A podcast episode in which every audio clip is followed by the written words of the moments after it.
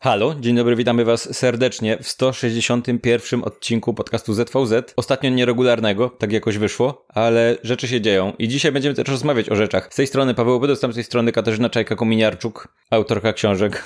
Ilu? Ile to, ile to już, Kasia? Poczekaj. Raz, dwa, trzy, cztery, pięć, sześć. No, jakby jeśli mamy liczyć książki, które kiedykolwiek wydałam, to ta jest szósta? Czyli seriale są szóste? Nie, nie liczy się, że na, w podstawówce napisałaś książkę. To, to nie ma znaczenia. Nie liczy nie. się. Nie ma. To w takim razie cztery. Czwarta. Czwarta. Z dużych książek czwarta. Zaczęło się od tej słynnej książki o parze aktorów pornograficznych.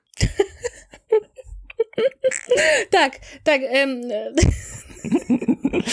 przepraszam, przepraszam, to jest, to jest jeden z moich ulubionych e, sposobów określenia tej książki. Zaczęło się od powieści, która dla mnie miała zupełnie niewinny tytuł, po czym się okazało, że wszyscy to kojarzą z pornografią i to jest bardzo śmieszne. Um, potem były Oscary, czyli książka o Oscarach, która miała potem wznowienie, które było trochę zmienione, bo trochę było poprawione, trochę dodane i to było bardzo ciekawe, bo mniej więcej dokładnie w tym samym momencie, kiedy wyszły poprawione Oscary, to wyszły zwierzenia popkulturalne i mam wrażenie, że zwierzenia to jest taka przedziwny rodzaj książki, którą wydałam która istnieje, ma twardą okładkę, jest w ogóle bardzo fajna. Jest najbardziej moją blogową książką i mam wrażenie, że część osób kompletnie ją przegapiła. To jest, to jest ta. I teraz wyszły seriale, czyli książka moja najnowsza. E, w lutym miała premierę pod koniec lutego. E, I to jest książka poświęcona mm, serialom. Mhm. Nie wiem, jaką masz obserwację, ale mam wrażenie, że kurczę, często to jest w odwrotnym kierunku, że ludzie najpierw zaczynają od jakiejś, nie wiem, literatury faktu albo czegoś takiego, a potem zaczynają, potem siadają do napisania powieści. Czy, czy masz takie wrażenie, czy to ja jestem skrzywiony i, i po prostu mam takie doświadczenia, więc mam wrażenie, że zwykle tak to wygląda, że pisanie powieści jest trudniejsze,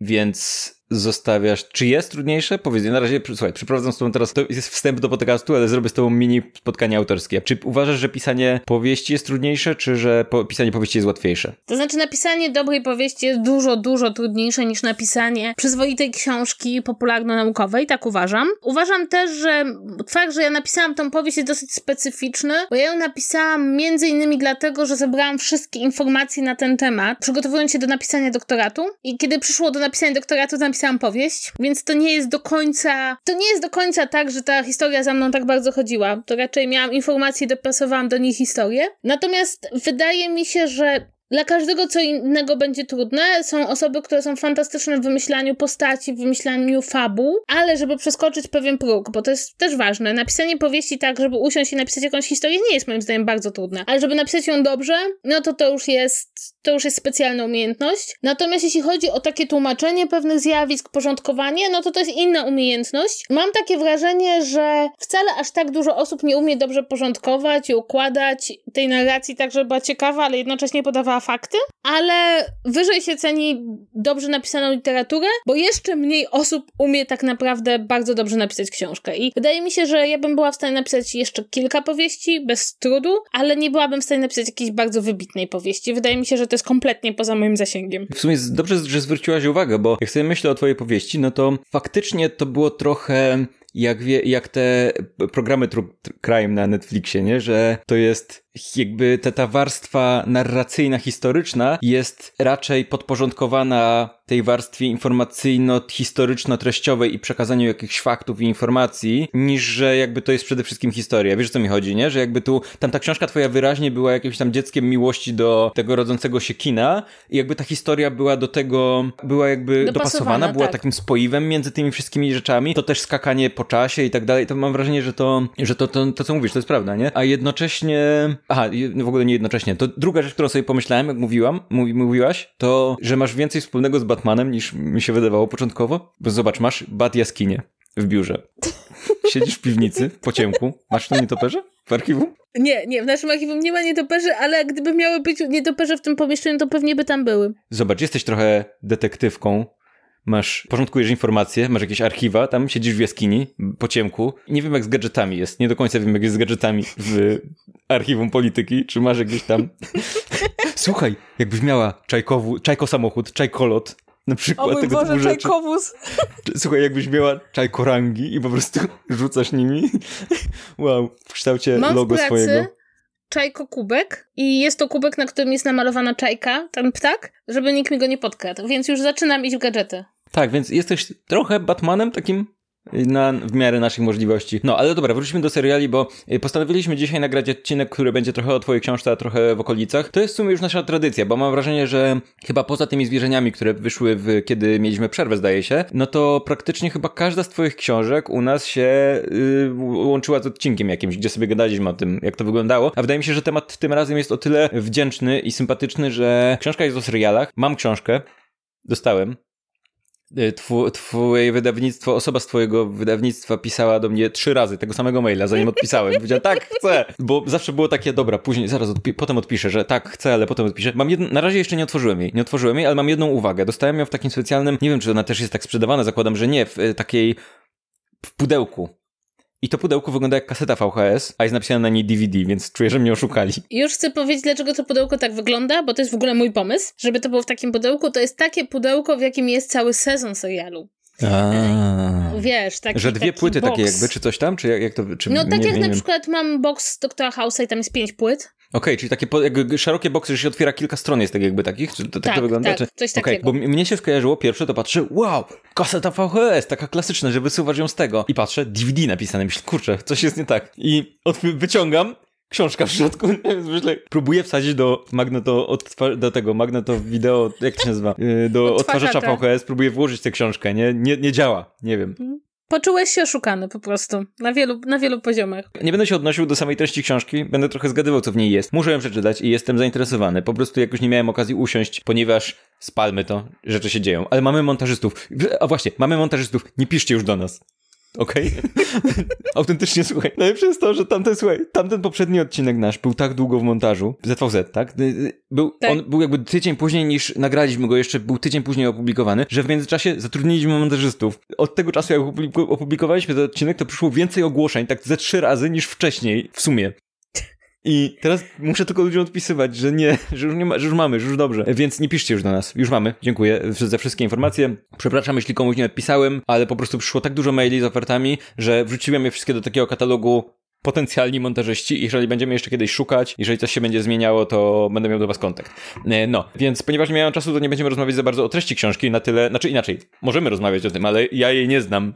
Ty znasz, więc możesz powiedzieć, ale myślę, że to jest też o tyle wdzięczny temat, że o ile trudno się rozmawia na przykład o Oscarach, w sensie, w takim sensie, że trudno mi poopowiadać, e, więcej bym mógł opowiadać o moich wspomnieniach z Eurowizją z całego życia niż z Oscarami. Bo tam Oscary były, pamiętam te jakieś drobne punkty, jakby dopóki nie wkręcasz się w to bardzo i nie jest to twoja pasja, to mam wrażenie, że, że to trudno, trudno, żeby był temat do rozmowy, a seriale to jest coś, co każdy ma, każdy ma jakąś swoją historię ze serialami, taką prywatną, tak? To nie jest tylko kwestia wiedzy o rynku, czy wiedzy o, wiedzy o produkcji, czy i tak dalej, i tak dalej, tylko jakby każdy ma swoją jak, jakąś emocjonalną drogę z serialami i wydaje mi się, że to jest coś, o czym będzie można zgrabnie porozmawiać. Jak uważasz? Uważam, że masz absolutnie rację. I rzeczywiście, między innymi stąd był w ogóle pomysł na tą książkę, że wydawnictwo zwróciło mi uwagę, że seriale to jest coś, co niby wszyscy oglądają i wszyscy mają właśnie to, co mówisz, tą swoją emocjonalną drogę serialami, ale takiego uporządkowania seriali, jakiejś dyskusji o seriali na papierze w, książ- w formie książkowej. Właściwie w Polsce nie ma. Chyba ostatnią dużą rzeczą, jaka wyszła o serialach, taka powszechnie dostępna, nie naukowa, to były seriale Przewodnik krytyki politycznej, ale to było bardzo wiele lat temu. I też mam takie poczucie teraz, jak widzę, jak trochę rozmawiam o tej książce publicznie, jak ją trochę promuję, że ludzie mają właśnie to, co mówisz, takie emocjonalne swoje związki z konkretnymi tytułami. Bardzo wyraźnie można ludzi też trochę dzielić na pokolenia, w zależności od tego, jakie, na przykład, jakie seriale były te, które oglądali w młodości, jakie wzbudzały w nich e, pewne emocje. Więc absolutnie się z Tobą zgadzam, że dzisiaj w ogóle seriale są takim super punktem wyjścia do rozmowy. Mam wrażenie, że jeden z najciekawszych rozmów, jakie przeprowadziłam w internecie około kulturowych, dotyczyły bardziej seriali nawet niż filmów czy czegokolwiek innego. I chociażby widać to, no, cały sezon WandaVision ostatnio śledziłam dyskusję w internecie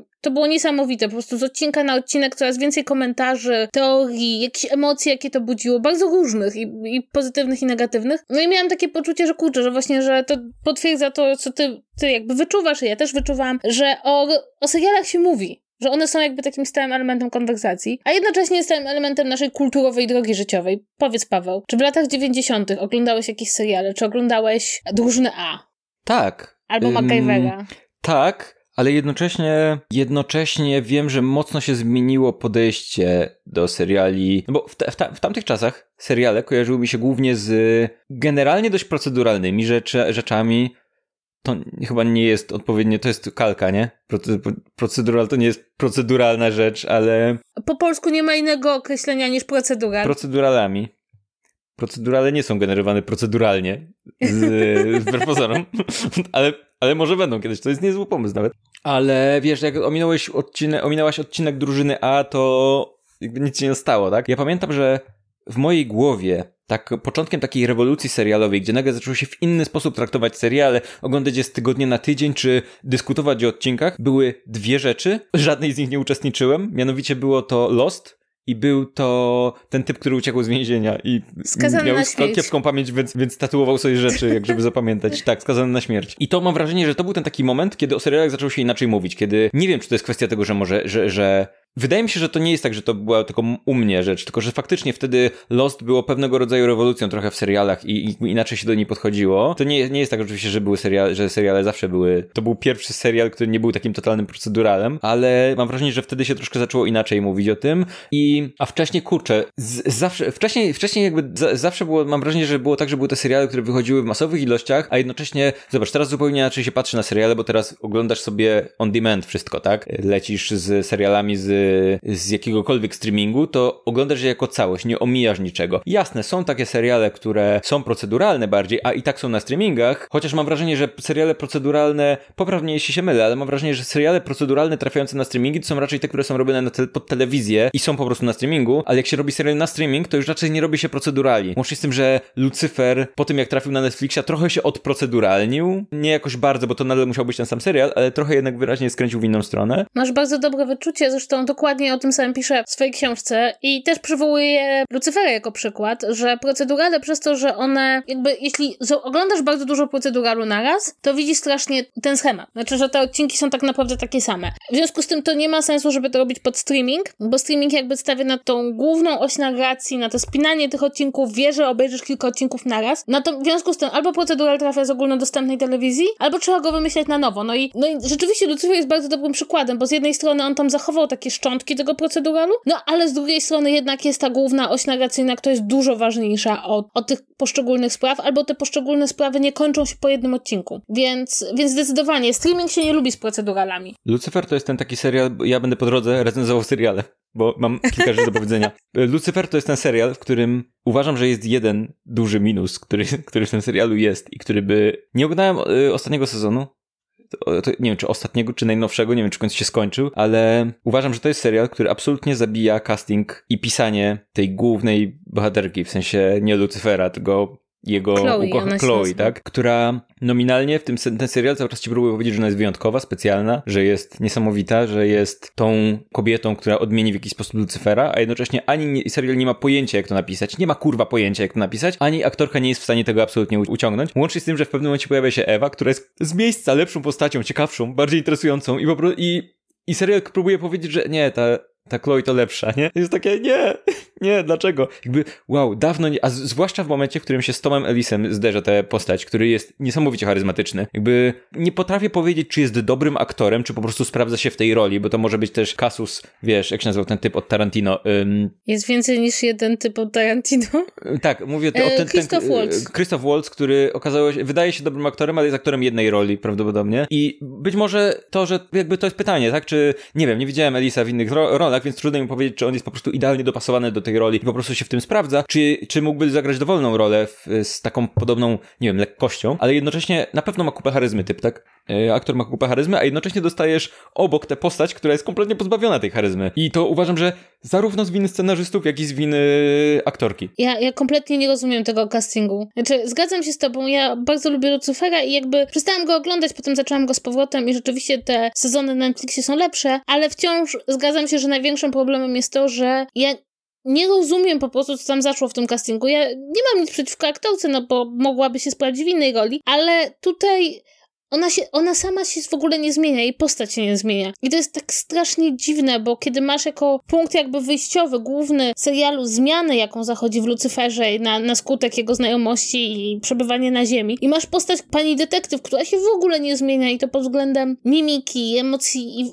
i, i wszystkiego. Tam jest ten sezon, w którym ona się już wie, że on jest diabłem i próbuje jakoś dojść do jakby ładu z tym i nie wie, co z tym zrobić. I to jest tak płasko zagrane. Tak, tak, bez absolutnie jakiejkolwiek emocji, nie? Wydaje się być w ogóle, jakby zareagowała takim wiesz, odcięciem się od tego emocjonalnym, ale to nie jest świadome, to nie jest tak, że serial zwraca uwagę, okej, okay, ona jest odcięta emocjonalnie. Nie, nie, ona po prostu taka jest, bo ona jest cały czas odcięta emocjonalnie od wszystkiego. To jest bardzo dziwna rzecz, ale no to jest, i to jest ten serial, który ma, ma rzecz, która mnie bardzo irytuje i bardzo nie, nie cierpię tego w serialach, a w proceduralach to się często pojawia, zwłaszcza w dalszych sezonach, gdzie, gdzie jest taka charakterystyczna rzecz, że jest, jakiś, jest jakaś rzecz w życiu bohatera, w życiu bohaterów i nagle sprawa, którą rozwiązuje, czystym przypadkiem jest, nawiązuje w jakiś sposób do tej rzeczy. Tak? Czyli o, bohaterowie dyskutują o religii i nagle trafia się sprawa, w której jest zamieszana religia, albo bohaterowie rozmawiają o tym, jakie lubią słodycze, więc nagle zostaje zabity cukiernik i wszystko się kręci wokół tej jednej rzeczy, tak? I to jest, w Lucyferze jest pełno takich rzeczy, że nagle Lucyfer próbuje jakieś, rozwiązać jakąś kwestię i nagle ludzie, których sprawę rozwiązują, mają podobny problem i on próbuje ten problem przenieść, znaczy rozwiązanie tego problemu, których się uczy na bieżąco tego, próbuje przenieść na swoje życie, ale jednocześnie robi to w taki mega dziecinny inny sposób. Taki, taki ludzie tak nie, się nie zachowują po prostu, tak? Był ten taki odcinek, w którym nie pamiętam, co próbował zrobić, ale chciał chyba zniechęcić do siebie Chloe z jakiegoś powodu, więc na, czy Ewę, o, chciał zerwać z Ewą, nie wiedział jak to zrobić, a usłyszał o kimś, kto zerwał ze swoim facetem, bo był dużym dzieckiem, w związku z tym zaczął zachowywać się jak duże dziecko i zaczął, zaprosił kolegów na mecz do swojego apartamentu. O, tak, to było takie żenujące. I to było takie, ja pierdolę, jakby, po pierwsze, ludzie tak nie robią. Po drugie, Ewa jest zbyt fajną postacią, żeby na to zareagować w ten sposób i to się sprawdziło. Ewa po prostu stwierdziła, go, go for it, i zaczęła z tym me w ten mecz oglądać, nie? To jest super, bo Ewa była najlepszą postacią w serialu, absolutnie, najlepszą postacią top ever. O co chodzi, Lucyfer? W każdym razie, a jednocześnie masz tą Chloe, która nigdy na to nie reaguje, zawsze to ignoruje. To jest, to jest w ogóle niesamowite. Koleś się nagle zachowuje kompletnie abstrakcyjnie. Dość, że zachowuje się kompletnie abstrakcyjnie, nie, to jeszcze wyraźnie widać, że to zachowanie jest związane z tą sprawą, że, a ona tego kompletnie w ogóle nie zauważa, tak? I przez to jest jeszcze bardziej przeżyczystą postacią. Ale mówię, cały serial ciągnie na tej charyzmie, charyzmie głównego bohatera, czy głównego aktora, yy, głównej roli i przez to się go fajnie ogląda mimo wszystko, ale to głównie oglądasz nie dlatego, że te sprawy są ciekawe, czy to otoczenie, po prostu chcesz zobaczyć, jak Lucifer reaguje na rzeczy. To jest po prostu to, może cokolwiek. To był, przydałby się taki program po prostu, gdzie masz te, tego Toma Elisa, który po prostu chodzi i robi różne rzeczy. to tyle. Chodzi po mieście, patrzy na coś, mówi, komentuje, zagaduje do ludzi. To bym chciał, to bym oglądał, nie? Tam historia niepotrzebna jest w tym wszystkim. Ale wiesz co, tak się zastanawiam, czy to w ogóle nie jest jakaś kategoria seriali, bo mam wrażenie, że na przykład w pewnym momencie ludzie oglądali Doktora House'a też trochę po to, żeby zobaczyć, jak Hugh Laurie gra House'a, który reaguje na ludzi, którzy przychodzą do tej poradni. Tam jasne, była jakaś sprawa, ale już to wszyscy wiedzieli, jak to się rozwiąże, tylko chcieli zobaczyć, jak on reaguje na rzeczy. I mam wrażenie, że procedurale często na tym ciągną właśnie, że jedną tą postać chcesz oglądać tylko, jak ona reaguje na rzeczy. Natomiast to, co powiedziałeś o Lostach wcześniej, to jest bardzo dobra intuicja, dlatego, że okazuje się, i to jest dla mnie w ogóle było bardzo ciekawe, jak zaczęłam o tym czytać i też mam o tym w książce, że Lości wyznaczają pewną granicę. Otóż od momentu, kiedy Lost stało się bardzo popularne, to ludzie się dużo bardziej zaczęli interesować, kto jest showrunnerem serialu. No bo doszli do wniosku, nawet słusznego, że tam jest tyle zagadek, tyle tajemnic, tyle teorii spiskowych, no że jest tylko jedna, jedna czy dwie osoby, które mogą wiedzieć o co chodzi, nie? No to to są showrunnerzy tego serialu. Oni muszą wiedzieć, gdzie to zmierza. I właściwie mówi się, że takie, takie współczesne zainteresowanie showrunnerami, to, że w ogóle ludzie teraz wiedzą, kto jest showrunnerem ulubionego serialu, właśnie ma gdzieś takie swoje korzenie w tym, w tej próbie rozwikłania, o co chodzi w Lost. I to wydaje mi się ciekawe, bo jeśli tak przewiniemy trochę taśmę, czy ty oglądałeś Westworld? Ten serial nie, HBO. wiem o co chodzi, ale, ale nie widziałem. Wokół Westworld zrobiła się dokładnie taka atmosfera, jak kiedyś była w Lost. Czyli wiesz, dużo rozrzuconych e, wskazówek, zagadek, tajemnice i ludzie po prostu siedzą w internecie i starają się to rozwikłać. Oczywiście każde słowo showrunnerów jest po prostu wysłuchiwane na, nabożnie, każdy coś tam sobie dopowiada. No i nie wiem, czy wiesz, że ludzie zgadli po prostu zgadli, jak się kończy. Tak, i oni potem postanowili zmienić chyba to zakończenie, I, nie? Czy coś nie, tam nie, oni sko skończył się pierwszy sezon tak, jak się miał skończyć, ale oni postanowili zmienić y, drugi, w drugim sezonie fabułę i mieli pretensje do widzów, że że tak bardzo chcieli zgadnąć. Ta, jakby taką presję na nich kładli. I więcej, że jak już ci, którzy zgadli, to że napisali to w internecie. I wydaje mi się, że to jest bardzo ciekawe właśnie, że już w tym momencie zmieniła się ta dynamika między showrunnerami a, a widzami, że na początku to było tak, że widzowie tak, och, showrunner będzie wiedział o co chodzi, to ja będę go słuchał i będę go podziwiał, do showrunner jest zły na ludzi, że mu zgadli zakończenie serialu. Więc to też jest taki fajny element ewolucji tego, tego stosunku ludzi do serialu i do showrunnerów. Tak, tak odskakując na chwilę na bok, nawet to, co my robimy na Spalmy, to w mgłach Ravenloftu, jakby widzę, jak ludzie na to reagują. A to jest jeszcze trochę inna kategoria, no bo tam jedyną osobą, która zna wszystkie elementy układanki jest Oscar, tak? Jasne, to jest bazowane na y, kampanii wieloletniej y, Klątwa Strada do D&D oficjalnej, ale Oscar ją mocno przerabia, gruntownie ją przerabia, tak? Między innymi kompletnie zmieniliśmy świat, to nie jest fantazja, tylko to jest średniowieczna Europa, więc nagle wchodzą y, w różne jakby zupełnie inne motywy religijne i tak dalej, i tak dalej, a jednocześnie my jako bohaterowie też mamy teorie na temat fabuły i to, co robią na przykład nasi widzowie, w jaki sposób się wkręcają, jakie teorie robią, jakie, nie wiem, że zakładają Trello, żeby tam, wiesz, zbierać informacje o postaciach, jakieś pojedyncze zdania gdzieś tam rzucone i próbują z tego składać jakąś historię, a jednocześnie, kurczę, wydaje mi się, że to jest fajne, fajne jest to obserwować, ale jednocześnie super jest też ta satysfakcja ludzi, którzy zgadną, tak? I jak potem się okazuje ten twist fabularny, że coś tam się, ktoś tam jest kimś tam, czy coś, i nagle masz te grono ludzi, którzy zgadli, no to kurczę, no ciężko mieć do nich pretensje, że, że próbują, nie? E, pytanie jest takie, jak dużo osób nie zgadło, bo to jest jest też jedna rzecz. To nie jest tak, że wszyscy zgadli. Jakby zakładam, że to była jedna z teorii, ale nikt, nie miał pewności, więc co, to co, to teraz zmieniasz wersję na taką, której nikt nie, nikt nie miał takiej teorii? Bo jeżeli, te, jeżeli wiesz, o tym też wielokrotnie rozmawialiśmy przy okazji Spalmy, to że taka, takie dobre rozwiązanie, dobry twist fabularny to jest taki, że są ludzie, którzy się domyślali, ale nie wszyscy, albo, ale nie byli pewni, tak? Bo jak zrobisz taki, który się wszyscy domyślali, to znaczy, że był zbyt oczywisty. Jeżeli zrobisz taki, którego się nikt nie domyślał, nikt nie miał takich teorii, że tak będzie, to znaczy, że wynika z niczego, tak? To musi być gdzieś tam pomiędzy. Więc, więc tym bardziej mi się wydaje abstrakcyjne to, że można, wiesz, mieć problem z tym, że ludzie tak reagują, nie? Ale też wydaje mi się, że kurczę, los to było jedno, ale też takim bardzo dużą, dużym punktem myślę, że była gra o Tron, nie? Jeżeli chodzi o zaangażowanie i to w jaki sposób ludzie mm, nie wiedzieli, myśleli, co się dzieje. Tutaj było trochę inaczej, bo były książki, nie? Z których się z grubsza trzymało, ale, ale też, kurczę, nie, nie, nie do końca, tak? Bo w pewnym tej ostatniej książki, czy ostatnich nie ma jeszcze, nie? Znaczy w ogóle to jest ciekawe, bo z, z jednej strony niby ludzie znali książki, książki były, ale nigdy nie zapomnę, że jednym z najpopularniejszych postów w ogóle w historii mojego fanpage'a, kiedykolwiek, to było dzień, w którym był odcinek Red Wedding. Jakby każdy, kto czytał książki, wiedział, jak to się skończy. Znalazłam e, zdjęcie aktora, który grał e, tego Starka. Jak się siedzi tak smutny w metrze, parasolką i jedzie gdzieś londyńskim metrem. I podpisałam to, kiedy wracasz do domu, bo impreza się nie udała. Jezus Maria, ile ja miałam lajków i, i, i w ogóle jakie to były emocje. I potem, kiedy już e, się to, bo to jest dosyć ciekawe, nie? Bo zaczęło się od tego, jaki to jest wspaniały serial, a potem z każdym sezonem było taki, pośmiejmy się dalej. No moje ulubione to jest odcinek z e, bitwy z ostatniego sezonu, w którym nic nie było widać i po prostu memy odnośnie tego odcinka był najlepszą rzeczą, jaką się przydarzyła w internecie odnośnie gry o Tron, ale nie były to memy na zasadzie, och jak to super, tylko, tylko były to raczej memy, o mój Boże, jakie to było złe. I mam takie poczucie, że to był ostatni, być może, bo jeszcze nie wiem, jak to będzie wyglądało, ale ponieważ on leciał wszędzie. Jakby nie ma tak jak na przykład teraz z Mandalorianinem czy z WandaVision, że nie, nie wszyscy mają naraz Disney Plus, więc nie wszyscy przeżywają to razem. No to to była taka ogólnoświatowa dyskusja na temat tego, co było w ostatnim odcinku Gry. Szczerze mówiąc, myślę, że i teraz też jest ogólnoświatowa dyskusja na temat odcinków Mandalorianina czy WandaVision. Patrząc na to na przykład u naszych serdecznych przyjaciół w napisów końcowych, jak popularne są live'y z omówieniem WandaVision, gdzie nagle się działo, wiesz, tysiąc osób na live'ie, y, w momencie, w którym Disney Plus nie ma go w Polsce i długo nie będzie i nie, ma, nie da się się tego nigdzie obejrzeć, to myślę, że to tak dostępność streamingu to jedno, ale praktyka to jednak jest dalej coś innego, nie? Wydaje mi się, że, że dzięki temu, że HBO było dostępne, to także takie normiki oglądały grę o Tron, wiesz, bo ja wierzę, że jest bardzo wielu fanów e, Marvela, którzy oczywiście w ogóle nawet się nie mugnęli, tylko znaleźli dostęp, natomiast nie zmienia to faktu, że grę o Tron oglądała moja szefowa w pracy i moja koleżanka z pracy i one, one w życiu by nie, nie ściągnęły sobie żadnego odcinka. Wiesz, co myślę, że będzie istotnym punktem? Jeżeli Netflix by przeszedł na tydzień po tygodniu. A myślę, że myślę, że przejdą, bo kurczę, ja wiem, że oni długo grali tym na początku, to było takie, tak, puszczamy wszystko na raz, to był ten ich wyróżnik, ale myślę, że na tym etapie jakby, no widzisz jak to wygląda, tak? Wychodzi ten Wiedźmin, oglądasz go,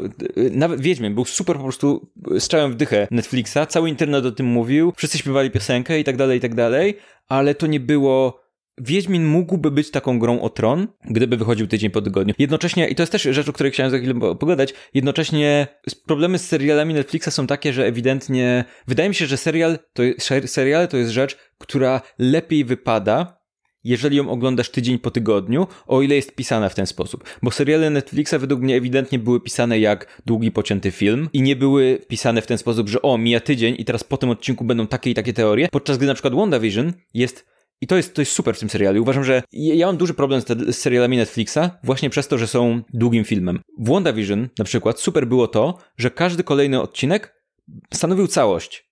Nie, to nie był, to nie, nie, nie było, jak to się nazywają, że jak, ym, jak Black Mirror, że... To jest serial antologia. To nie jest antologia, tak? Ale, ale te odcinki mają wyraźny motyw, otwarcie, zakończenie jakby są, są różnej długości też, tak? Nie, nie próbują być po prostu pocięte, tylko są zupełnie różnej długości od 25 minut do, do 50, tak? W zależności od tego, ile potrzeba na opowiedzenie tej historii. Dosłownie dwa pierwsze odcinki są mają po 25 minut, tak? I przez to, przez to, przez to jakby zdecydowanie lepiej się ogląda je co tydzień. I to też jest rzecz, która się zmieniła, tak? Że nagle Netflix przed tym takim wrzucaniem w całości, teraz trochę znów wracamy do, bo wyraźnie te rzeczy Disneya są pisane z myślą o tym, że, i są ewidentnie są pisane o tym, że o, masz mieć twist na koniec jakiś czy coś, to ci rzuci jak jakieś, po, pozwoli, nakręci jakieś teorie, rozwiąże się może w kolejnym odcinku, może za dwa, ale będzie nakręcało to przez tydzień. Wydaje mi się, że to jest też fajna rzecz po prostu. No więc ja o tym piszę, mam całą jakby w książce rozdział, o tym właśnie jak ten inny sposób dystrybucji, jak streaming zmienia seriale, jak pewne rzeczy, które działają właśnie jak się ma odcinek tydzień po tygodniu, działają, a nie działają, kiedy wszystko jest naraz. I, i to są rzeczy od, tak jak mówisz, chociażby takiego budowania napięcia, żeby każdy się przez tydzień zastanawiał, co będzie dalej, po to, jak ważne są niektóre motywy pospajające, jak ważne są motywy, które są w konkretnym odcinku. Przez długość odcinków, elementy takie chociażby jak czołówka, czy na przykład ten taki, nie wiem czy pamiętasz, w latach 90. był bardzo modne w poprzednim odcinku. To przypominanie, co było w poprzednich odcinkach, z wybraniem tych wątków, które będą miały znaczenie w tym odcinku w danym Ważne. tygodniu, tak. Powiem ci, że ja oglądam teraz, robię rewatch kolejny, robimy Battlestar Galactica, mhm. gdzie masz dokładnie to. Mimo, że Battlestar Galactica nie jest proceduralem, tak? Jest jakby, tam jasne, są często motyw odcinka, jest często jest jakiś problem poruszany społeczny albo coś takiego w odcinku, ale nie jest takim całkiem proceduralnym. Tam jakby historia rozgrywająca się na przestrzeni odcinków ma ogromne znaczenie, ale jak oglądamy sobie teraz tak oszczędnie, tam, mm, wiesz, oglądamy co, co jakiś czas, po prostu odcinek, dwa czy coś tam, to, że on robi to w poprzednim odcinku i przypomina te kilka ważnych wątków, w serialu, w którym jest multum postaci, multum wątków, długie dialogi, ten serial, wiesz, no wiesz jak jest Battlestar tak, Galactica, tak. tak? To nie jest serial, gdzie, to jest serial, to jest rozprawka filozoficzna o 11 września w formie serialu science fiction, nie? To jest... Zgadzam się zdecydowanie. Jest to najlepsza recenzja tego serialu, jaką znam. To, żeby on ci przypomniał, jest y, bardzo ważne, jest, jest bardzo pomaga, więc jakby troszkę tęsknię za tymi rzeczami. Jak się ogląda takie seriale, które są długie, rozbudowane, to czasem wypadałoby przypomnieć, o pamiętasz cztery ty odcinki temu pojawił się dialog na temat X i on teraz wróci, więc to jest ważne, pamiętaj co w nim było, nie? Tak, więc zdecydowanie zgadzam się z tobą, że to jak pokazuje się seriale jest, zdecydowanie przekłada się na ich poetykę i też zastanawiam się, czy Netflix pójdzie właśnie w ten odcinek po odcinku, czy wręcz przeciwnie, zostanie przy tej swojej formie dystrybucji. Jest też taka mieszana forma, to Apple Plus TV robi, że najpierw daje 3-4 odcinki naraz danego serialu, a potem już odcinek co tydzień. No Disney też tak, tak ma w planach robić. Oni, oni chyba wypuścili dwa WandaVision naraz, ale teraz jakby z tych ostatnich y, doniesień wynika, że mieli w planach trzy, ale jakby koronawirus im y, w jakiś sposób wpłynął na ten plan. Wiem, że tam były, kurczę, ja za chwilę się muszę wypowiedzieć WandaVision, o ostatnim odcinku, za chwilkę, nie spoilerowo, bo wiem, że dużo ludzi nie oglądało, ty też nie oglądałaś, ale muszę powiedzieć kilka słów, ale Wydaje mi się, że Mandalorianin też miał jakoś pierwsze dwa czy pierwsze trzy, a potem szły po kolei, nie pamiętam dokładnie, ale oni chyba też eksperymentują z czymś takim. To wydaje mi się fajna forma, tak? Że dostajesz, łączy zalety obu form, nie? Znaczy ja muszę powiedzieć, że ja miałam takie przeżycie właśnie oglądając na tym, na tej platformie Apple'a e, serial komediowy Ted Apple'a, Apple'a. Ted Lasso. I to jest taki serial, który ja w ogóle każdemu polecam. Uważam, że to jest najsłodszy serial, jaki powstał. Lasso? Ted jak takie Lasso. Do... Tak jak takie lasso, na które się łapie kogoś. Założenie serialu jest takie, że trener futbolu amerykańskiego zostaje ściągnięty do Wielkiej Brytanii, żeby trenował drużynę futbolu zwykłego, europejskiego. Ze względu na błąd Nie, językowy, czy? To jest dlatego, że babka, która odziedziczyła tą drużynę, to jest drużyna z Premier League, chce ją wykończyć, więc go sprowadza, żeby on po prostu był złym trenerem. Tylko kwestia polega na tym, że to jest najlepszy człowiek na świecie. To jest, on jest życzliwy, on jest otwarty, on ma dobre serce, on sobie nie przypisze cudzego, cudzej zasługi, on chce każdego zmotywować, on chce być miły dla wszystkich. Wyobraź sobie po tych wszystkich latach oglądania serialowych antybohaterów, dostajesz człowieka, który mm, nie, który nie zrobi absolutnie Nic negatywnego ani egoistycznego.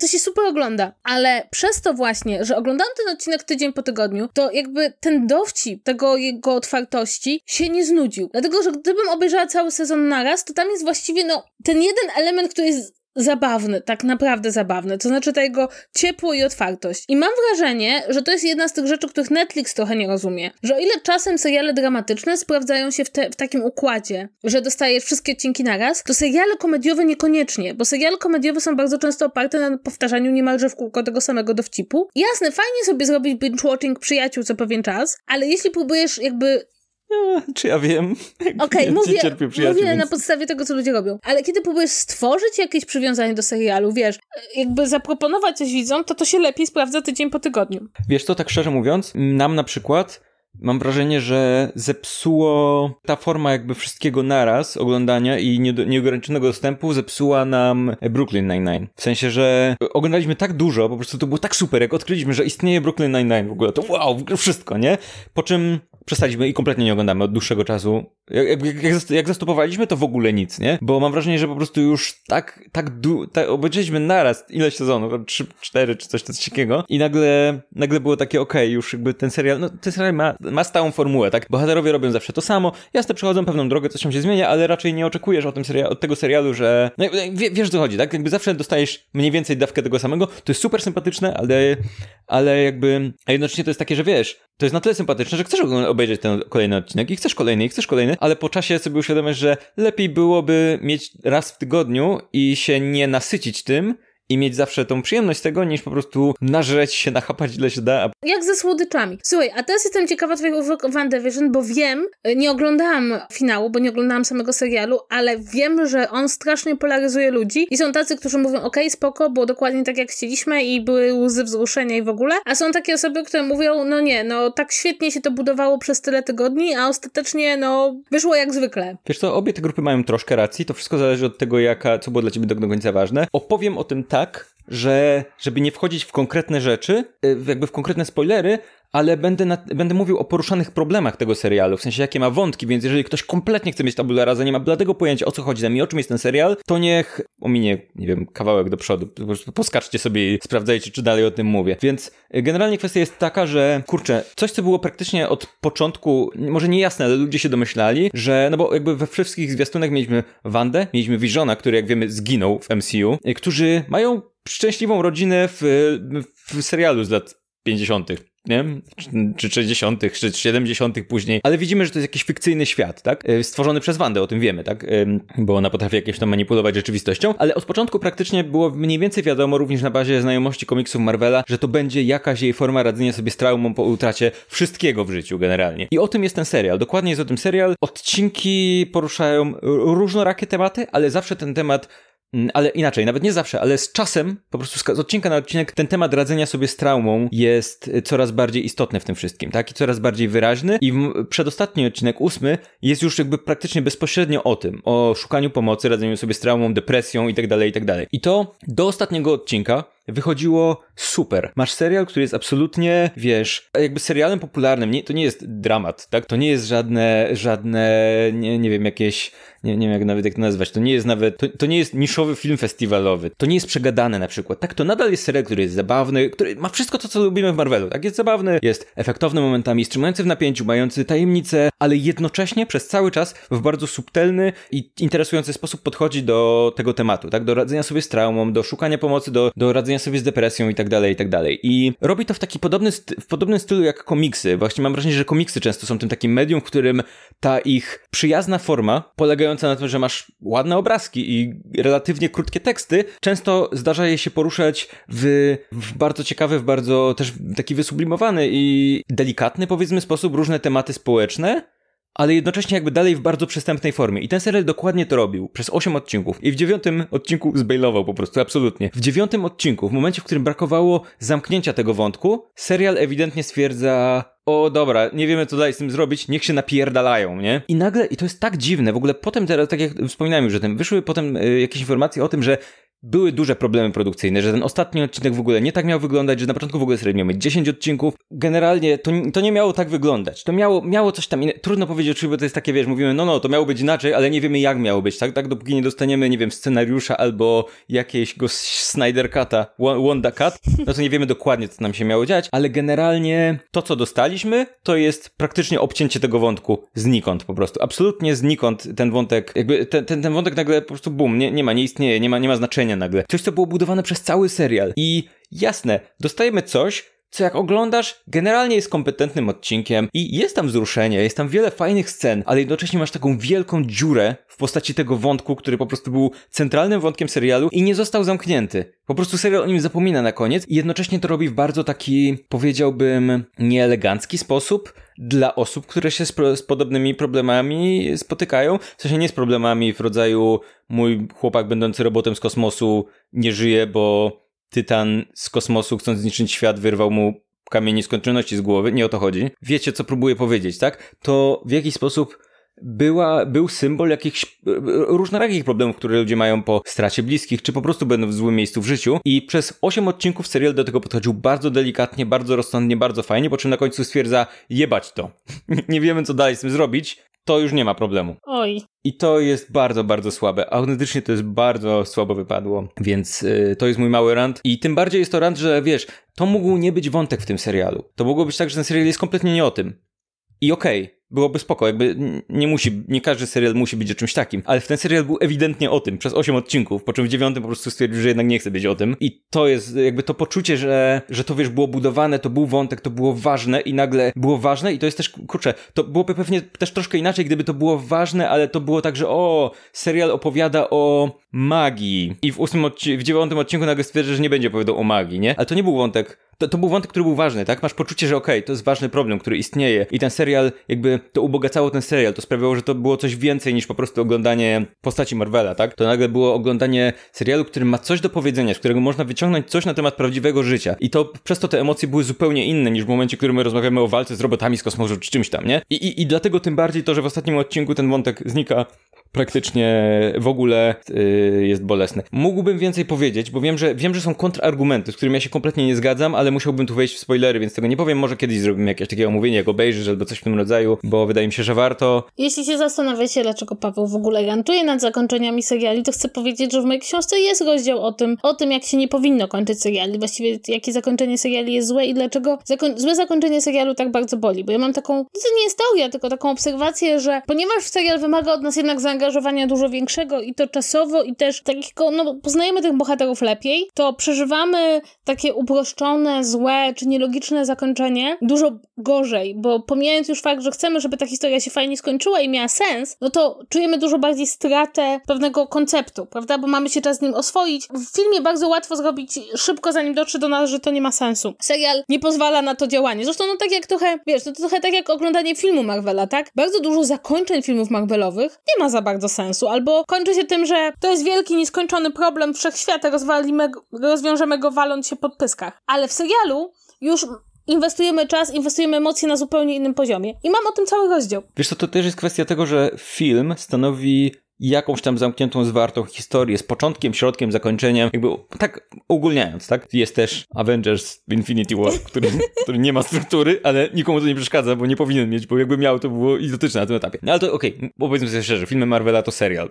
Tylko taki duży. Ale, o, ale to jest w ogóle, tak, to jest duży i to jest w ogóle świetny przykład, tak? Endgame i Infinity War to jest dobre zakończenie serialu, tak? Gdzie, no bo mając serial, nie masz jednej zwartej historii, która może mieć jakieś tam zakończenie, masz serię historii, które pomiędzy nimi, pomiędzy tymi, wiesz, w każdym odcinku masz swoją, często zwartą historię. Zależy od serialu, ale generalnie tak, powiedzmy, to jest jakaś tam, ma, powinna być jakaś zamknięta historia. Uważam, że to lepsze. Że lepsze są takie seriale, które, w których odcinek stanowi jakąś tam w miarę zwarty, zwartą historię. Nie są takie obcie, jak mówię, niektóre seriale Netflixa, mam wrażenie, że te seriale superbohaterskie Netflixa przez to były trochę męczące, że te odcinki same w sobie nie zdawały się być zwartą historią. One były tylko obciętym kawałkiem tej dużej historii, tak? Ale do tego jeszcze masz wątki, które się przewijają przez kilka historii, które tworzą swoją większą historię. I one często się zazębiają ze sobą, czy nie wiem, cały sezon tworzy jakąś tam historię i tak dalej, i tak dalej. Więc tu masz, ta struktura robi się skomplikowana. I jak masz to zamknąć, to nie musisz tylko zamknąć historii z tego jednego odcinka finałowego, czy nie wiem, dwóch ostatnich odcinków, które tworzą jakiś storyline, czy coś tam, czy tego sezonu, tylko musisz wszystkie te rzeczy w jakiś sposób podsumować. I tutaj na przykład, jasne, okej, okay, filmy Marvela nie są serialem, ale gdyby były serialem, gdybyśmy patrzyli tylko i wyłącznie na strukturę, no to Endgame jest, Endgame jest końcem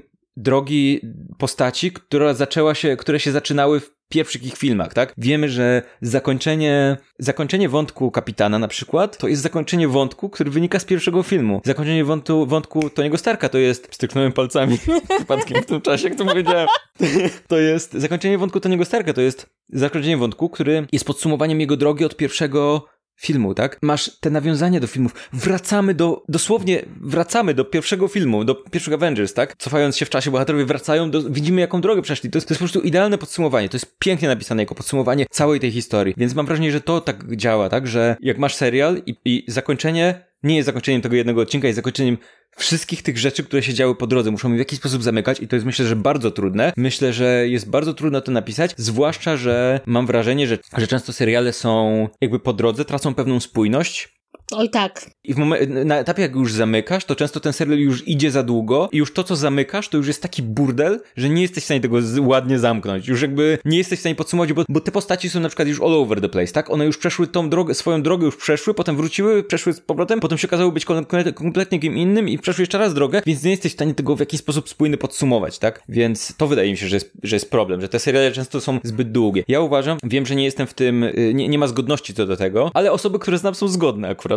Wydaje mi się, że ja, Mateusz i Ocia jesteśmy zgodni, że do zakończenie Battlestar Galactica jest doskonałe. Jest cała grupa osób, które sądzi co innego. Mam o tym w książce. O zakończeniu Battlestar Galactica jest w książce, dlatego że, że jest to jedno z tych zakończeń, które ja uważam osobiście za genialne, a wiem, że wywołało olbrzymie negatywne emocje, jak się pojawiło mm, po raz pierwszy. Ale myślę, że to, te negatywne emocje nie wynikają z tego, jakie to jest zakończenie, tylko raczej w jakim, jakie tematy zaczął w pewnym momencie poruszać ten serial i jakby w, jaki, jaką konwencję przyjął pod koniec a to nie jest kwestia samego zakończenia. Nie wiem, czy wiesz, co próbuję powiedzieć, nie? Że to jakby, nie chcę też wchodzić, bo to jakby, nie chcę nikomu, kurczę, myślę, ja uważam, że to zakończenie jest na tyle wyjątkowe, że nie chcę nikomu spoilerować nie, nie, na tym etapie, mimo że to jest przez 20 lat, nie? Ale ja uważam, że jest super, nie? Że jak się zaakceptuje to, czym jest i, i jakby, bo, bo to mam wrażenie, że problem jest taki, że ktoś sobie, że wiele osób sobie wyobrażało inny, że ten serial pójdzie w innym kierunku. I to nie sprawia, że to zakończenie jest złe, po prostu ten kierunek myślę, że wielu osób mu się nie podoba. Ja uważam, że jest super to zakończenie, nie? I kurczę, no i jednak emocje, to jest, to jest jeden z tych seriali, gdzie za każdym razem go oglądasz, to wiesz, że ci bohaterowie podejmą te wszystkie złe decyzje, które podejmą, ale za każdym razem i tak oglądasz i chcesz, żeby... To jest to i myślę, że jest, wiesz, oznaka takiego dobrego kina czy dobrego serialu, kiedy emocje są na tyle mocne, że, na, że obchodzi cię to za każdym razem, nie? Ja, jak oglądam Titanica, to za każdym razem mam wrażenie, mam nadzieję, że przeżyją tym razem oboje.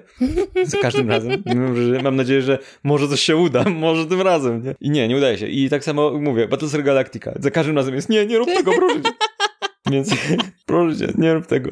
Henryk, Henryku, proszę cię. Myślę, że w dużej części Battlestar Galactica był serialem, który się dobrze zakończył, dlatego że był, był zakończył się u, nie, może nie u szczytu swojej popularności, bo to raczej był drugi, trzeci sezon, ale w czwartym sezonie, który jakby nie, nie ciągnęli tego przez kolejne trzy sezony, nie mając pomysłu na tym. Jakby wyraźnie ten serial wykorzystał wszystkie swoje pomysły. Jeszcze mógłby trwać jeden sezon. To nie jest tak, że mógłby trwać. Jakby to nie, nie jest tak, że kompletnie wyczerpał wszystkie wątki, wszy, wszystkie problemy społeczne zostały poruszone. Skończyło się. Skończymy serial, nie? Spokojnie mógłby jeszcze trwać, ale nie. Jakby trwał tyle, ile powinien. I to według mnie pomogło. A na przykład, kurczę, nie wiem, House. Mam wrażenie, że House to był już ten etap, kiedy nie dało się tego serialu już dobrze zakończyć, bo on już tam był, potem już były te wszystkie takie wątki Prawie jak spin-offy. House w więzieniu. House, był w House w szpitalu przez trzy sezony, to był House w więzieniu. House w, w szpitalu psychiatrycznym. House tam w, w wojsku. Nie? House w kosmosie. Już tego brakowało kolejnych, po prostu jak Tytus, Romek i Atomek, nie? Już w pewnym momencie było. Mam wrażenie, że bardzo często jest tak, że jest taki moment, co się nazywa przeskoczyć rekina, ale nie zawsze. Kiedy po prostu widzisz już, że serial stracił tą, tą myśl, która mu towarzyszyła na początku. Ja przestałam House'a oglądać na długo, długo. Potem zobaczyłam, jak się skończył. E, kiedy House wjechał samochodem w dom swojej byłej dziewczyny i pomyślałam sobie takie, nie no, to już, to, to jakby, to już przekroczyło tą granicę, przy której jestem to w stanie oglądać. Tak, to, ale tak, to był ten moment. Zwłaszcza, że kurczę, y, także ci się wetnę, to był ten taki Will Day, Want Day, który w końcu się zdarzył i serial był według mnie w tym, to, to, to było to, czego się ten serial potrzebował, żeby ten bohater się zaczął zmieniać, w jakiś sposób odkupiać. On nie, nie, nie, nie musiał się stać... Moja, moja Siri twierdzi, że nie może. Nie, nie może być frivolous, więc mm, słuchaj, nie, nie pogadamy. Ale mm, mam wrażenie, że to jest serial te, te, ten tego potrzebował, tak, żeby ten bohater się zaczął zmieniać. To, to, to, co mówimy, tak? To, co mówiłeś od początku. House reaguje na rzeczy. I on się w pewnym momencie zaczął zmieniać, tak? Zaczął się czegoś uczyć przy, w tym związku. I to, to mogło być ciekawe do eksploracji, no ale wtedy, no, aktorka zrezygnowała. Nie wiem, na ile to był... Nie wiem, jaki mieli plan twórcy na wypadek, gdyby nie zrezygnowała. No ale zrezygnowała, więc trzeba było to wypisać, więc wróciliśmy do House'a będącego House'em i ten serial absolutnie stał się według mnie nieoglądalny i po prostu nudny absolutnie w tym wszystkim, więc... Ja jestem nad jedną rzeczą się zastanawiam i jestem mega ciekawa. To, nie wiem, czy to się w ogóle kiedykolwiek w historii wydarzy. Jak się skończy Grey's Anatomy? Bo to jest 17 sezonów w tym momencie. I wiesz, normalnie są takie rzeczy, które może zrobić twórca, ma jak coś w, za w zapasie. Że może być jakiś wypadek, ktoś może zginąć, ale tam się już kurwa wszystko wydarzyło. Ten serial przeszedł przez wszystkie możliwe wątki. Tam wiesz, tam była strzelanina w szpitalu, spadł samolot. W pierwszym sezonie bohaterka trzymała czyjąś bombę w ciele i myślała, że umrze. Po prostu połowa obsady już zginęła, połowa miała raka. I wiesz, jestem ciekawa, jak się kończy serial, w którym się wykorzystało wszystkie wątki? Nie, wiesz, co było wspaniałe? Gdyby taki serial na przykład, nie wiem, czy to jest dobra konwencja w tym serialu, nie sądzę, czy byłby w stanie do tego dojść, ale gdyby doszło do, do, w tym serialu do wątku podróży w czasie i bohaterowie cofnęliby się w czasie do pierwszego odcinka i skończyłby się na początku pierwszego odcinka. W sensie, wydarzenia by się dopasowały tak, że serial by zatoczył pętlę i nigdy by się nie skończył w ten sposób, bo miała być jakby, na końcu by się zaczął wow. pierwszy odcinek, nie? Wow. I wtedy miała być takie, okej, okay, to ten, ten serial, no nie, nie, nie byłem w stanie ocenić tego końca jako coś, gdyby się idealnie zapętlił, gdyby po prostu, wiesz, napiszesz wątki tak, że wątki z pierwszego odcinka stają się kontynuacją wątku z ostatniego i wtedy twój ulubiony odcinek może być zakończeniem, jeśli chcesz, bo i tak się zapętla, więc nie ma znaczenia, który jest końcowy, nie? No i to masz wtedy, to jest, to jest zabawa. No ja y, powiem ci szczerze, w pewnym momencie zaczęłam żartować, że serial, y, że dlatego tyle się dzieje w tym szpitalu, w którym pracują e, ci pracownicy, że on jest po prostu na starym e, cmentarzu i po prostu tam straszy, wiesz. Miałam takie hmm. pomysł na takie zakończenie, trochę jak z Od Zmierzchu do Świtu, po czym okazało się, że jest wątek, że inny szpital jest na cmentarzu dawnym. No, Jakby okay. doszliśmy do momentu, że już, że już naprawdę rzeczy, które człowiek sobie wymyśla po prostu w pijanym widzie sobie okazują prawdą. Dobrze, ale skoro mówimy o końcach serialu, to ja bym powoli kończyła nasz podcast, bo tak. e, mamy dużo rzeczy do robienia, a poza tym już dosyć długo mówimy, więc słuchajcie, jeśli chcecie, przeczytajcie i kupcie moją książkę. Ona jest i w normalnym takim wydaniu papierowym i w e-booku i moim zdaniem się całkiem fajnie czyta i to jest bardzo ciekawe, bo Paweł nie czytał tej książki. I wszystko o czym powiedziałeś jest w mojej książce. W jakim stopniu? Każdy z tych wątków znajduje tam zakorzenienie, więc możecie sobie poczytać. Ona nie jest tylko dla osób, które są mega zajarane serialami, bo ja tak nie pisałam. Pisałam ją dla osób, które oglądają seriale, ale to, czy oglądacie 50 seriali w ciągu roku, czy 3, to nie ma znaczenia, bo ona nie jest jakby, ani nie streszczam po kolei każdego odcinka, każdego serialu, mimo że część osób ma takie podejrzenia, ani też nie mówię takim językiem, którego nikt nie zrozumie i po prostu to jest takie insiderskie. Nie, staram się trochę jakby wytłumaczyć i ułożyć fajny świat. Jeśli się boicie spoilerów, to chciałam powiedzieć, że w dwóch rozdziałach są spoilery. I w obu rozdziałach jest napisane, że są tam spoilery, więc jeśli tak bardzo boicie się spoilerów, to możecie ich nie czytać. Ale staram się to pisać tak, żeby nawet jak jest spoiler, to jest on raczej trochę taki naokoło i nie oddaje wszystkich elementów tej historii, tak żeby nawet jak obejrzycie, to żeby było fajnie nazwa serialu zmieniona na przykład. I dajesz spoiler wprost, ale zmieniasz wszystkie naz- imiona postaci na imiona z innego serialu i nazwę serialu na z innego serialu. I jak ktoś czyta, kto czytał i nie wie kurwa co się dzieje, nie? Że masz nagle, wiesz, kompletnie co innego, nie? Kurczę, to wydaje mi się, że ten temat jest o tyle interesujący, że ja, jak wiele razy powtarzałem w podcaście, nie oglądam seriali generalnie. Bardzo rzadko sięgam po seriale. Teraz pewnie będę sięgał częściej, ponieważ wiadomo, mamy koniec popkultury, więc Coś trzeba robić. Coś trzeba robić. O, będziemy oglądali Snyder Cut przez kolejne pół roku. W małych częściach. Przez, słuchaj, w małych częściach wychodzi ci serial. Właśnie o to no chodzi. Tommy Jerry. Nie wiem, czy widziałeś dzisiejszą dramę z Tommy Jerry. Boże, to było cudowne. To znaczy, jesteś pewien, to że... jest to, smutne. To znaczy smutne. Myślę, że... jak, jak to napisał Łukasz Stelmach, jakie to musiało być smutne dla kogoś, kto chciał obejrzeć Tommy Jerry'ego. tak, tak, tak. Ale myślę, że no szkoda, bo jakby w tym wszystkim ym...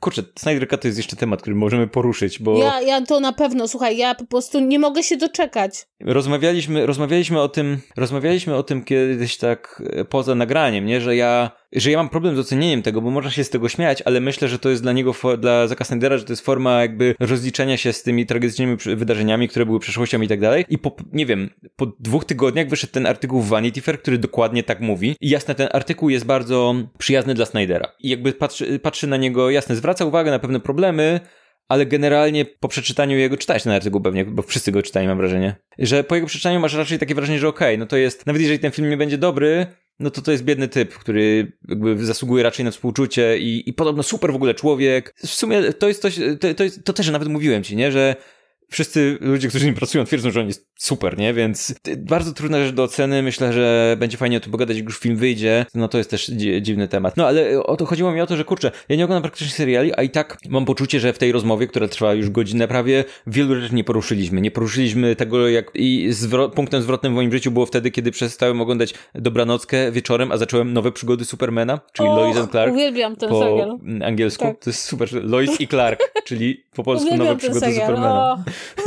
Kogo interesuje jakaś Lois. A teraz jest nowy Lois ale... i Clark. Tak, tak, wiem, wiem, wiem, wiem że jest ten. Mm, podobno bardzo spoko. Oskar się jara i Radek no się jara. No jest spoko, ja oglądam i bardzo mi się podoba. Nawet przez chwilę liznęliśmy temat jakiejś drużyny A, czyli takich super klasycznych seriali, które w Polsce szły tam w latach 90., a były z 80., nie? Które no, też były rzeczą, którą pamiętam z życia, nie? Poprzez Wiesz, możemy nawet poruszyć temat seriali animowanych. Ja na przykład uwielbiałem Ufozaury. Ufozaury były moim ulubionym serialem animowanym. Nie znam ufozaurów. Ufozaury to są dinozaury z kosmosu, humanoidalne dinozaury z kosmosu w zbrojach takich cybernetycznych. Y, to jest w zasadzie bootleg Transformers praktycznie, w sensie ta sama historia. Masz dwa, dwie frakcje dinozaurów z kosmosu, ufozaurów. No, to jest no, Transformers tylko z dinozaurami z kosmosu zamiast robotów zmieniających się w ciężarówki i, i rzeczy. O kurczę, bo ja oglądałam, ja oglądałam Transformersy, więc wiesz, ale rzeczywiście były ufozaury. O, wow. Więc kurczę, to są, to są wszystko takie rzeczy i, i to nadal jest, to nadal je, tego jest tyle i tak naprawdę to jest tak rozległy świat, że nawet nie oglądając dużo seriali, tak jak ja nie oglądam dużo seriali, można porozmawiać o tym na wiele różnych sposobów, nie? To, co, co, w jaki sposób teraz Disney, Disney buduje swoje seriale, w jaki sposób MCU zaczyna się rozszerzać na seriale i to, że mimo, że na pierwszy rzut oka to jest podobne, to robią to w kompletnie inny sposób niż to, jak Netflix próbował robić łączone uniwersum serialowe z superbohaterami. Superbohaterami Marvela dodajmy, tak? No tak, Kurczę, oczywiście. to są wątki, które które moglibyśmy poruszyć, a, a wiesz, mamy godzinę już, nie? Tak naprawdę. Więc to jest mega temat, który, o którym się łatwo rozmawia, który gdzieś tam każdego przez osmozę dotyczy, bo to jest tak ważna teraz gałąź pod popkultury, która jeszcze dodatkowo rośnie w momencie, w którym mamy wiadomą sytuację, tak? Dlatego, że seriale są tanie. To jest, to jest istotna rzecz. Seriale są w porównaniu do e, filmów kinowych są super tanie. Więc, więc teraz w sytuacji, w, w której mamy pandemię, y, jest jak jest.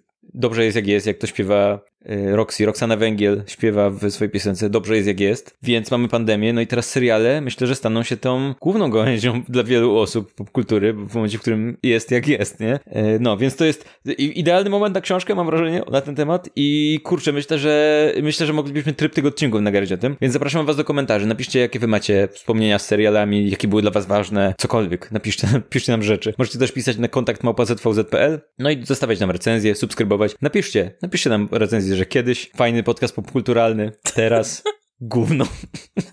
Był taki moment, że ktoś napisał coś takiego, ale teraz może ten ktoś napisze kiedyś fajny podcast o społeczeństwie, teraz jakieś pierdolenie o WandaVision.